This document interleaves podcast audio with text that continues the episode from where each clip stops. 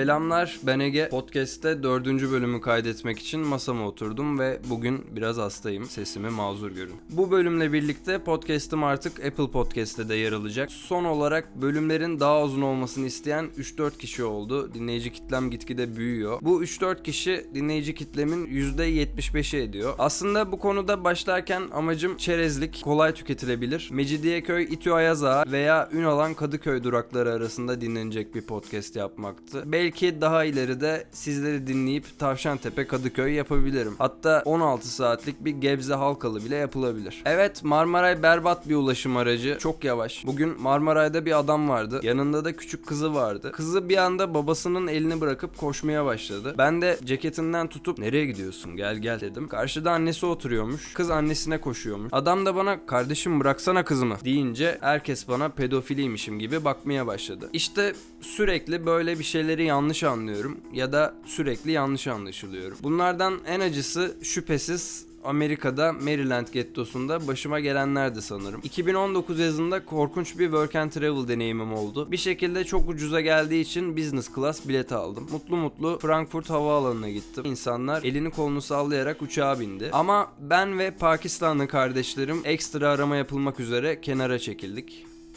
Böyle anlarda kendimi suçlu gibi hissedip aşırı geriliyorum. Güvenlikler de bunu fark etmiş olacak ki Pakistanlı kardeşlerim bile gittikten 15 dakika sonra hala beni arıyorlardı. Uçağı kaçıracağım diye sinirlerim alt üst oldu. Bir şekilde yetiştim. O gerginlikle 8 saat boyunca Lufthansa Hava Yolları'nın alkol stoğunu tek başıma sıfırladım. Kafam çok iyi bir şekilde iş sözleşmesine bakıp hayal kuruyordum. Anlaşmada saatlik 12 dolara Washington'da can kurtaran olarak çalışacağım yazıyordu. Hayalimde kiraladığım Harley motorumu Beyaz Saray'ın yanındaki garajlı evimden çıkarıp New York'a doğru yola çıkıyordum. Sonra uçak indi. Birileri beni arabasıyla saatlik 8 dolara çalışmam için Maryland adlı bir eyalette dağın başına götürdü. Kafam hala çok iyi olduğu için adamları sarıp öptüm ve teşekkür edip gönderdim. Biraz ayıldıktan sonra yakınlarda market var mı diye bakmak için dışarı çıktım. Sokakta yürürken bir anda önümden koşarak bir adam geçti ve ilerideki parka girdi. Sonra gökyüzüne baktım. Bir helikopter devasa projektörünü parka odaklamış. Ağaçların arasında adamı arıyordu. İlk kez gerçek hayatta aranma seviyesinde 5 yıldıza ulaşan birini orada görmüştüm. Ben de böyle anlarda ulan adamı ben zannetmeseler bari deyip aşırı geriliyorum. O yüzden yaylım ateşine maruz kalırsam kurtulma şansım olsun diye zikzaklar çizerek deli gibi koşmaya başladım. Eve döndüm ve uyudum. Öbür gün çalıştığım bölgenin şefi beni çok uzaktaki bir markete götürdü ve oradan haftalık yiyecek stoğumu yapmamı istedi. Ayrıca kendime bir bisiklet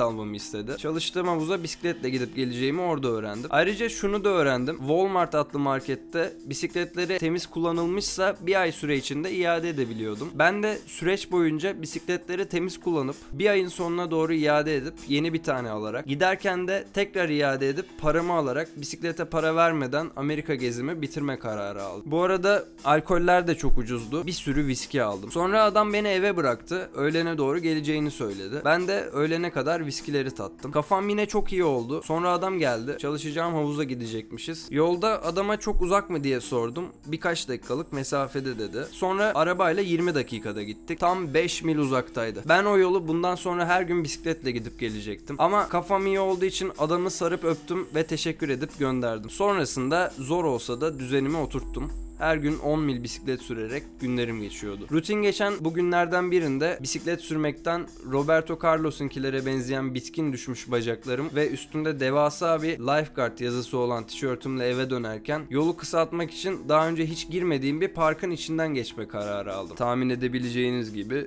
daha demin bahsettiğim park. Bisikletimle parkın içinden yavaş yavaş geçerken bir grup siyahi adam gördüm. Hiçbirinin tişörtü yoktu ve hepsi Mike Tyson vücuduna sahipti. Çocuk parkındaki salıncakları söküp demirlerini barfix çubuğu olarak kullanmayı tercih etmişler. Alfaları barfix çekiyor, yanındakiler de onu motive ediyordu. Barfix çubuğundan atletik bir şekilde atlayıp hızlıca yanıma geldi. Ben de böyle anlarda kendimi suçlu gibi hissediyorum. Lan kaçsam mı acaba? diye düşünürken bu herifin çita gibi koşabileceğini düşünüp vazgeçtim. Yanıma geldi. Bana sen can kurtaran mısın diye sordu. Ben de tişörtümdeki devasa yazıyı gösterdim. Arkadaşları coştu. Fucking little guy gibi gibi şeyler söylemeye başladılar. Sempatik olacağını düşündüğüm bu hareketin Alfa'ya bir saldırı olarak algılanacağını tahmin etmemiştim. Sonra Türk müsün diye sordu. Evet dedim. Bu parkın havuzunda mı çalışıyorsun dedi. Ben de hayır benim çalıştığım havuz ne yazık ki buradan çok uzak. Keşke burada çalışsaymışım. Böylece bisiklete ihtiyaç duymazdım cümlesini kafamda doğru bir gramerle kurmaya çalışırken 2 metrelik alfa ayı boğandan balyoz kıvamında bir yumruk yedim. Hatırladığım son şey bu oldu. Ne kadar zaman geçti bilmiyorum. Bir ara gözümü açtım. Çimlerde yatıyordum. Gökyüzü çok güzeldi. Nerede olduğumu düşündüm. Büyük bir ihtimalle moda sahildeydim. Ve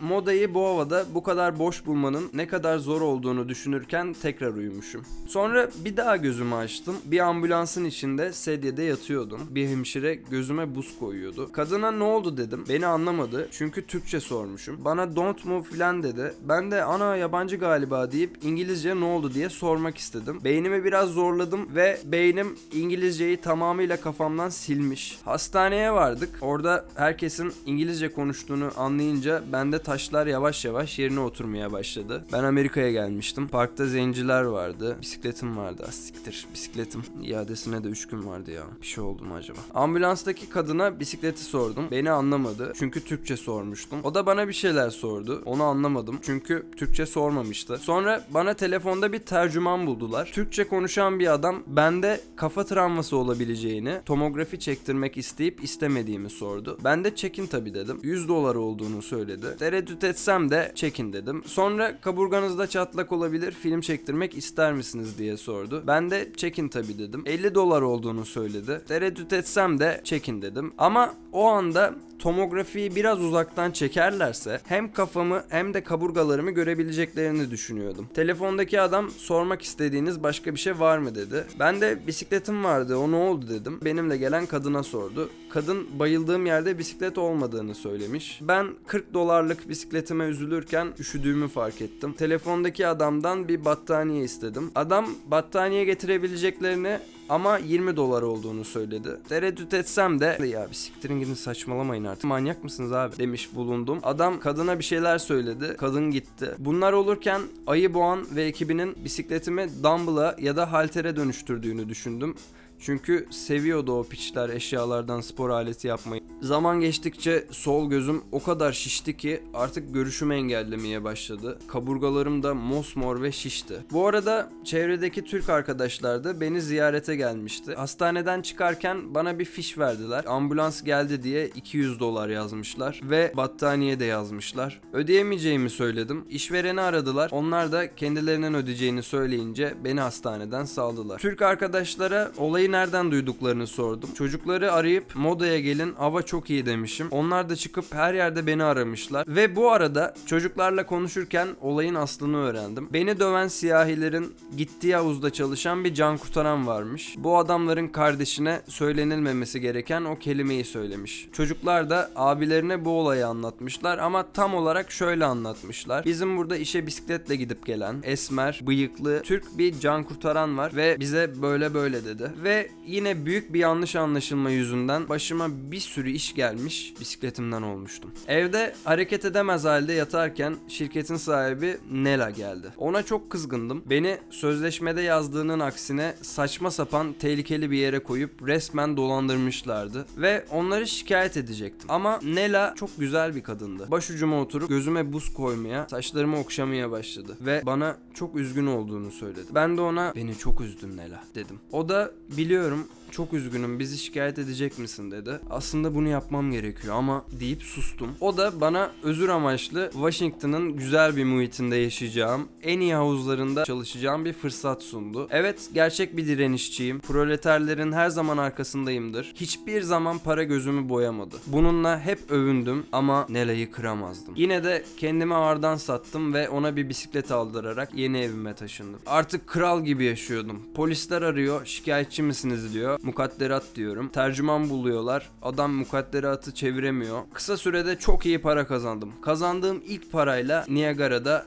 bir hostelden yer ayırttım. Rezervasyon yaptırdığım uygulamada hostelin onaylamam için beni arayacağı yazıyordu. Birkaç saat sonra Nela'ya mailden akrostiş şiir yazarken telefonum çaldı. Burada belirtmem gereken bir ayrıntı var. Amerikalılar Niagara'ya Niagara diyorlar ve Viagra'ya da Viagra diyorlar. Telefondaki adam bana Do you want some Viagra dedi. Ben de Viagra'yı Niagara anlayıp rezervasyon için aradıklarını düşünerek büyük darbe almış İngilizcemin kısıtlılığı sebebiyle de yes yes of course dedim. Adam da benim onun aramasını bekliyor olmama çok mutlu oldu. Benden iletişim bilgilerimi istedi. Ben de mailimi verdim ve rezervasyonumu tamamladığımı düşündüm. Birkaç gün sonra Nela'dan mailini böyle şeyler için meşgul etmemem gerektiğine dair bir uyarı maili okurken telefonum çaldı. Telefondaki adam Niagara filan dedi. Ben de bunlar dolandırıcı sanırım deyip no no no no thanks dedim. Hostel rezervasyonum iptal olmuş. Başka hostel bulamayınca Niagara'ya gidemedim. Ama hala mailime Viagra kampanyalarını atıyor adam. Ben de aboneliğimi iptal etmiyorum. Belli mi olur? Bu iki yanlış anlaşılma hikayesi dışında geç kaldığım derste